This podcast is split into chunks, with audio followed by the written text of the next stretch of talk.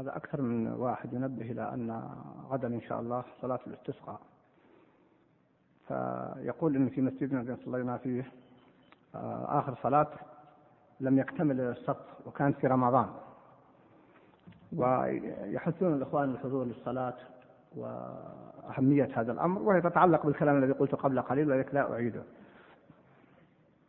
هذا الأخ أيضا يقول غدا صلاة الاستسقاء وسوف أصلي بطلاب المدرسة فهل يجوز لي بعد انتهاء الخطبة اتجاه القبلة؟ أن أرفع صوتي بالدعاء الطلاب يؤمنون من أجل التعليم خاصة في المرحلة الابتدائية. نقول لو يعلمهم بغير هذه الطريقة أخشى يتعلمون أن هذا هو السنة.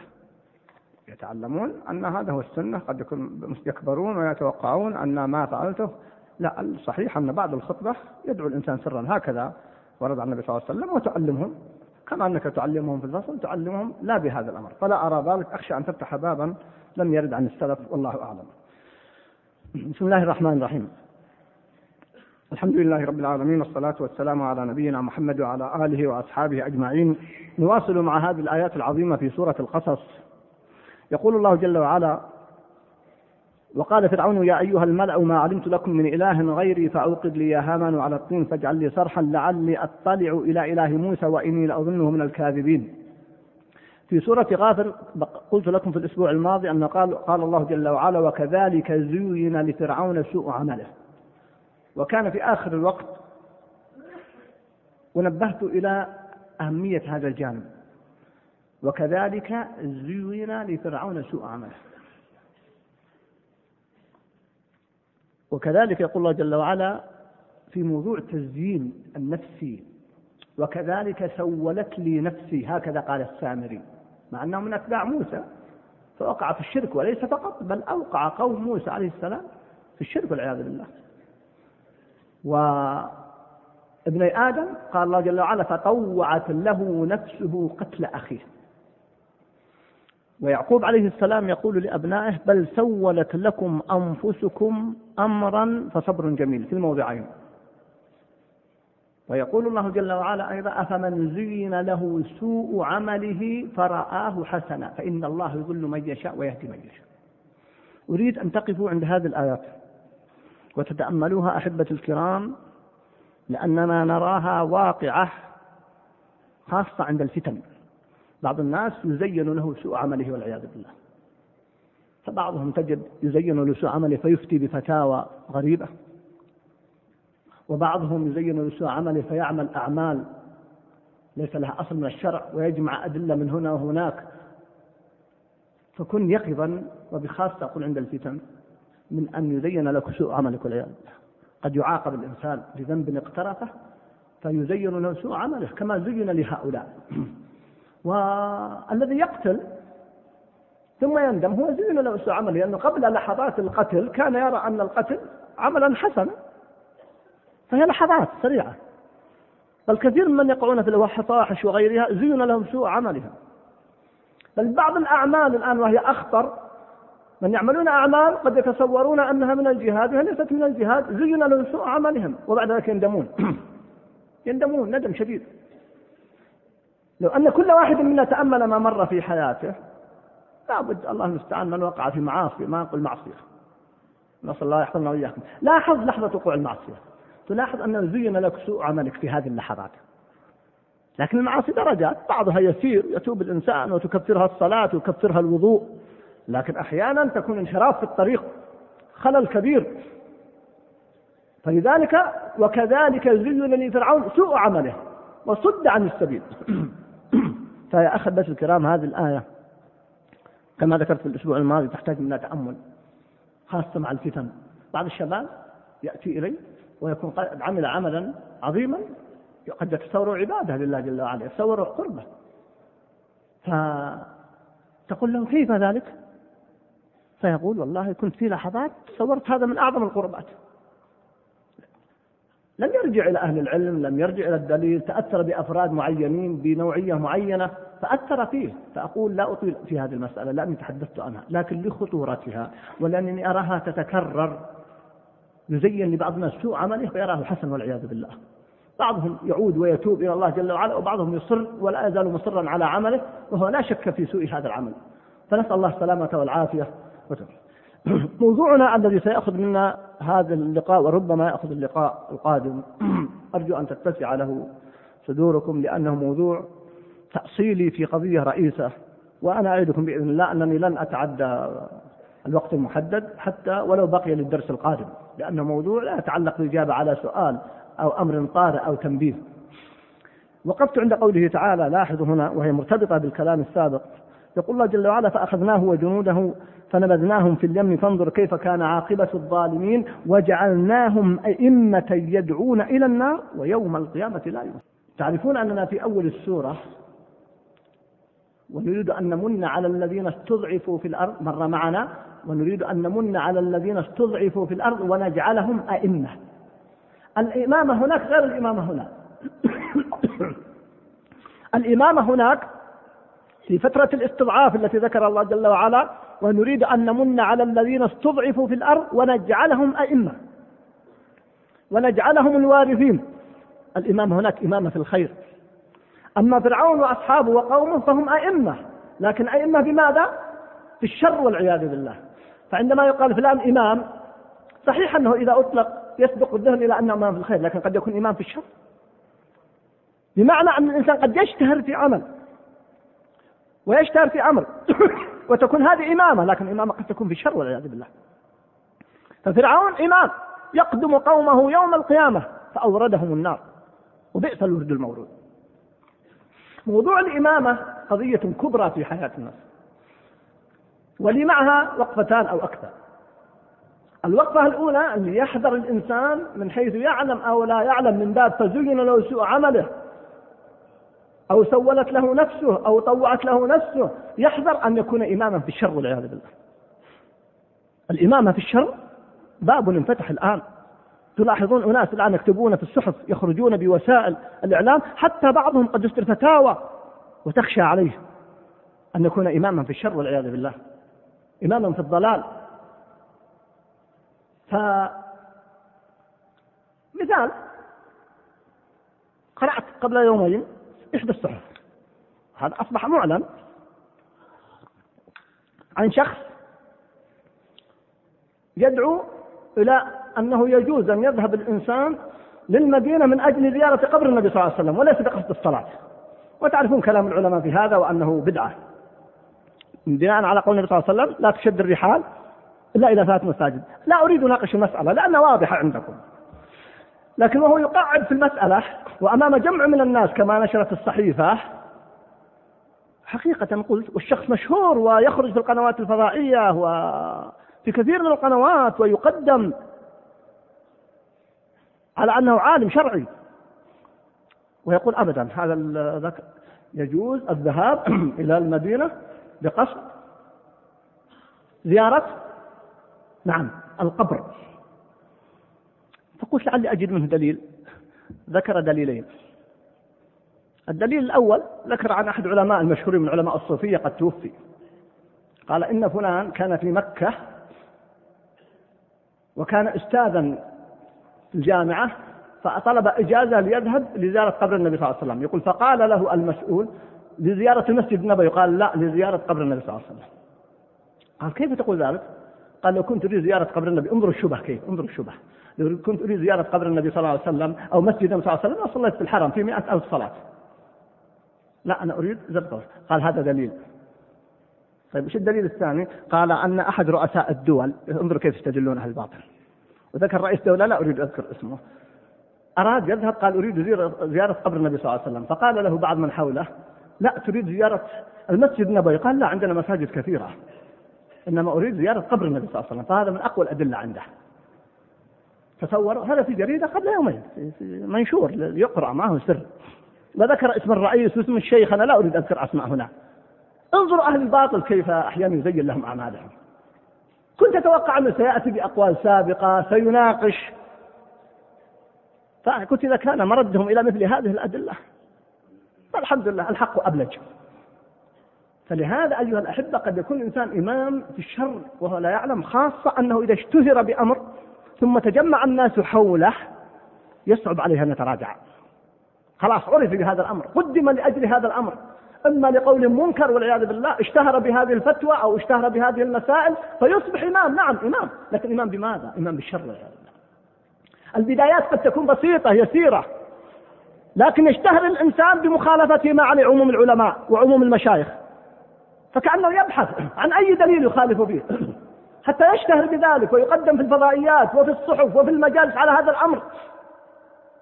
وذكر من الأدلة التي وردت عن معاذ رضي الله عنه أنه قالوا كيف نعرف يعني آه، ما عليه النبي صلى الله عليه وسلم وما عليه صاحب الباطل؟ قال إذا اشتهر الإنسان بمسألة لم يشتهر بها غيره يعني مخالف لما عليه أهل السنة والعوام والعوام لا يقصد العوام يقصد عموم أهل العلم فيشتهر الإنسان بمسائل غريبة. هذا معنى كلام معاذ لا أحفظ نصه رضي الله تعالى عنه. معاذ بن جبل. إذا وجدت يقول إنسان اشتهر بمسائل فيها غرابة خالف فيها علماء الأمة علماء السلف ما عرف من من المعاصرين له من أهل السنة والعلم والرسوخ في العلم خالفهم فيها. فهذا على ضلال. عدها من أوجه الضلال رضي الله عنه. ومشاهد هذا كثيرا نعاصرها يوميا ونشاهد غرائب الفتاوى وغيرها فأقول يخشى على هؤلاء أن يكونوا من أئمة الضلال. ولذلك خشي النبي صلى الله عليه وسلم على أمته من الأئمة المضلين. خشي على أمته أئمة مضلين يضلون الناس. ولو استدلوا بدليل عكفوا النصوص يمينا وشمالا. فهذا الجانب الأول أنبه وأحذر وليخشى الإنسان من الغرائب. وأن يشتهر بالغرائب بين الناس. وما عرف إلا بهذا الأمر. لو جئت تعرف عن هذا الشخص هل عرف سابقا بالعلم وعرف بالفتاوى المستقيمة وبمنهج أهل السنة؟ لا. كيف اشتهر؟ بالغرائب. فهذا بلاء أحيانا وجحدوا بها قد والعياذ بالله قد يعاقب الإنسان. قد يعرف بعد ذلك الحق لكن يسعد يرجع. وجحدوا بها واستيقنتها أنفسهم ظلما وعلوا. يصعب عليه الرجوع للحق. لأنه خلاص أصبحت له رياسة أصبحت له مكانة أصبحت له زعامة. إما في قول بدعي أو في قول شاذ أو في مسألة أصبح رأس في هذا الجانب والرجوع صعب ليس سهل. إلا من وفقه الله جل وعلا. ولذلك مدح الذين كانوا على مناهج بدعية ورجعوا وتابوا وعادوا إلى الله لأن القرار هذا من أخطر القرارات ومن أصعب القرارات على النفس. لأن الإنسان إذا عرف بأمر واشتهر به يصعب. إلا من شاء الله سبحانه وتعالى التوفيق والهداية أن نرجع عنه. ولذلك بعض الذين أسلموا من النصارى كمثال تقريبي وأخرج حتى لا تنزل الأمور على أشخاص معينين تسألهم تجد أن من أصعب الأمور على نفسه عندما ترك دينه ودخل في الإسلام خاصة إذا كان عرف كان قسيس مثلا قبل ذلك ما هو مجرد إنسان عادي كان قسيسا أو داعية في قومه وله مكانة وله منزلة وله شهرة. فكثير من هؤلاء أئمة الضلال يعرفون أنهم على ضلال لكن يصعب أن يرجعوا. نعم. قد نعلم انه لا يحزنك الذي يقولون فإنهم لا يكذبونك. ولكن الظالمين بآيات الله يجحدون. وجحدوا بها واستيقنتها أنفسهم ظلما وعلوا. يصعب لا تتصورون الأمر سهل. أنصح الإخوان والله محبة من أصعب الأمور إذا عرف الإنسان بشيء واشتهر به أن يرجع عنه إلا من وفقه الله وسدد قرار من أصعب القرارات. فقد يبقى على باطله وهو يعرف أنه باطل. نسال الله السلامة والعافية. فإذا أعرف الأمر من أوله. إياك والشواذ المسائل والغرائب. احذر من الإثارات. وكن على ما أنت عليه من أهل السنة وأهل الخير بعيدا عن البدع وبعيدا عن الشهرة وبعيدا عن أمور الدنيا. أمور الدنيا أيها الأحبة لا أسألكم عليه أجرا. لا تصورون أنه فقط المادة لا. ذكر العلماء عند هذه الآية قل لا اتبعوا من لا يسألكم أجرا كما في سورة ياسين. قل لا أسألكم عليه أجرا كما في أكثر موضع. قالوا الأجر كل منفعة دنيوية. من رياسة أو شهرة أو مادة أو منصب كلها منفعة دنيوية. بل إن المادة أهونها. بل إن هذه المناصب والشهرة تشرى بالمادة. فالمادة أقل منفعة عند أصحاب الشهرة والرياسة. فإذا اشتهر الإنسان بأمر يصعب عليه أن يرجع. فيصبح والعياذ بالله في النهاية إمام في ماذا؟ في الضلال. وكذلك زين لفرعون سوء عمله. زين له هذا الأمر. من حيث يشعر أو لا يشعر وليس خاص بالكفار بل سولت لكم أنفسكم أمرا وهم أولاد يعقوب عليه السلام. طوعت نفس له نفس قتل أخيه السامري وغير ذلك. فالأمر عظيم جدا. ثم بعد ذلك يصبح كما قال الله جل وعلا وجعلناهم أئمة. لكن أئمة ماذا؟ يدعون إلى النار. هكذا. وجعلناهم أئمة يدعون إلى النار ويوم القيامة لا ينصرون والعياذ بالله. فالأمر خطير وعظيم. هذه المسألة الأولى. المسألة الثانية التي أبدأ بها وقلت لكم إن شاء الله نواصل في الدروس القادمة لأهميتها. ورد الإمامة في القرآن في مواضع عدة منها إبراهيم عليه السلام قال الله جل وعلا إني جاعلك للناس إماما. إني جاعلك للناس إماما. وأيضا منها قوله تعالى فقاتلوا أئمة الكفر. هذا إمام في الباطل. أنا أذكر إمام في الخير كإبراهيم عليه السلام وإمام في الباطل كفرعون وأئمة الكفر كأبي جهل وغيره. الذين قال الله عنهم قد نعلم إنه لا يحزنك الذي يقولون فإنهم لا يكذبونك. يعلمون أنك على الحق ولكن الظالمين بآيات الله يجحدون. فكانوا أئمة وسماهم الله أئمة فقاتلوا أئمة الكفر. كما ذكر الله جل وعلا في سورة التوبة بينما يقول أيضا عن أولاد إبراهيم يعقوب وإسحاق وإسماعيل وغيرهم وجعلناهم أئمة يهدون بأمرنا. وقال في سورة السجدة وجعلنا منهم أئمة. يقول الله جل وعلا في سورة السجدة كما تعلمون وجعلنا منهم أئمة يهدون بأمرنا لما صبروا. فالإمامة إذا آه تكون في الخير وتكون في الشر. قالوا وإذا يقول ونجعلهم أئمة ونجعلهم الوارثين كقوم موسى الذين من بني إسرائيل. وفيها في سورة الفرقان والذين يقولون ربنا هب لنا من أزواجنا وذرياتنا قرة أعين واجعلنا للمتقين إماما. سمعتموني أكثر من مرة. أقول من صفات المتقين التي وصف الله جل وعلا أنهم يرفعون أيديهم يتضرعون إلى الله في آخر الليل في وقات السحر في آخر الجمعة في الساعات الفاضلة والأزمان الفاضلة والأماكن الفاضلة ويقولون واجعلنا للمتقين إماما. تأمل في حياتك. كم مضى من عمرك؟ كم مرة قلت وبكيت بين يدي الله أن يجعلك للمتقين إماما.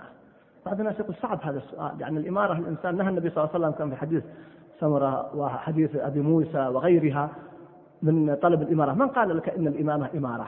الإمامة غير الإمارة. الإمام أبو حنيفة الإمام مالك الإمام الشافعي الإمام أحمد لم يتولى منهم أحد منصب. لكنهم أئمة ما تستطيع. الإمام شيخ الإسلام الإمام محمد عبد الوهاب لم يتولوا مناصب لكن كانوا أئمة هدى. فهل رفعت يديك وتضرعت بين يدي ربك باكيا متضرعا أن يجعلك للمتقين إماما؟ بعض الناس يقول قد مضى من عمره ما مضى ولا يتذكر أنه من أهم الأدعية وهذا من أعظم الأدعية.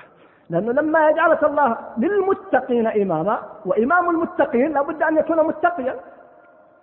لما إمام المتقين وجعلنا للمتقين إماما. لابد أن يكون متقيا فأنت هذا من جوامع الدعاء. بدل ما تدعو بعدة أدعية حتى تصل للإمامة اختصرها. واجعلنا للمتقين إماما. كيف تكون الإمامة؟ الأمة الآن تحتضر إلى مثل هؤلاء. الأمة في ظروفها الحالية الواقع الذي تعيشه الآن تحتاج إلى الإمامة. يا أخي الكريم ختمت النبوة بمحمد صلى الله عليه وسلم. فلم يبق إلا المجددون لم يبق إلا المصلحون. لماذا لا تكون أنت منهم من هؤلاء الأئمة؟ لماذا نحن نعيش عقلية البطل المنقذ؟ الرافضة عندهم المهدي المنتظر. نحن نعم عند أهل السنة المهدي لكن يأتي في آخر الزمان وهو حق. لا شك في ذلك. لكن الناس الآن كأنهم ينتظرون عن منقذ. نقول لهم يا أخوة الكرام النبي النبوة ختمت محمد صلى الله عليه وسلم. إذا لا نبي بعده. والمهدي وعيسى بعده عليه السلام سيأتون في آخر الزمان من المنقذ الأمة؟ ينقذ الأمة هم الأئمة المجددون المصلحون تنتظر من يا أخي الكريم؟ لماذا هذه العقيدة بانتظار شخص غائب؟ لماذا لا تكون أنت الإمام؟ لماذا لا يكون ابنك هو الإمام لماذا لا يكون تلميذك هو الإمام الذي ينقذ الأمة الأمة تحتاج ولا تتأثر في موضوع الاستضعاف بعض البعض قد يقول تنظر الأوضاع والأحوال وإهانة الأمة؟ أقول لك اقرأ سورة القصص التي نحن فيها الآن. ونريد أن نمن على الذين استضعفوا في الأرض ونجعلهم أئمة ونجعلهم الوارثين ونمكن لهم في الأرض ونري فرعون وهامان وجنودهما منهم ما كانوا يحذرون. وكل ذلك تحقق كله تحقق. كما قرأنا. الاستضعاف الذي نحن فيه الآن ليس أسوأ من الاستضعاف الذي كان فيه بني إسرائيل قبل بعثة موسى عليه السلام. الاستضعاف الآن أقل ذكر الحمد لله الناس يقيمون الخير ويقيمون الصلاة وفي بعض بلاد المسلمين لديهم من الخير العظيم. ما كان هذا موجود كما تسلط فرعون. نعم تسلط الظالمون تسلط الغرب لكن بقي عند الأمة خير. فإذا تفاؤلنا بوجود الأئمة أعظم. وقد تحدثت عن هذا قبل سنتين في موقعه وفي مكانه في العام الماضي. إذا كيف تكون الإمامة؟ لعلي أقف عند هذه المسألة. موضوع الإمام موضوع البطل المنتظر. الذي تنتظره الأمة أن تكون أنت أو ابنك أو تلميذك أن تعد إن لم تكن أنت تعد أحد لهؤلاء. يكون حسنا من حسناتك بإذن الله. كما كان الغلام حسنا من حسنات الراهب. الغلام أصبح إمام وهو غلام. لكن حسن من حسنات الراهب. لا ننسى في ذلك. والراهب هو الأصل في ذلك. وله الأجر العظيم في هذا الأمر. وعدتكم أنني لا أطيل. وقد انتهى الوقت المحدد. إن شاء الله في الدروس القادمة سأحاول أن أركز الموضوع وأختصره من أجل أن نصل إلى هذه الحقيقة وأعطي بعض الإضاءات والفوائد للوصول إلى هذا الهدف العظيم. أقول قولي هذا وأستغفر الله لي ولكم. والسلام عليكم ورحمة الله وبركاته. وصلى الله وسلم على نبينا محمد.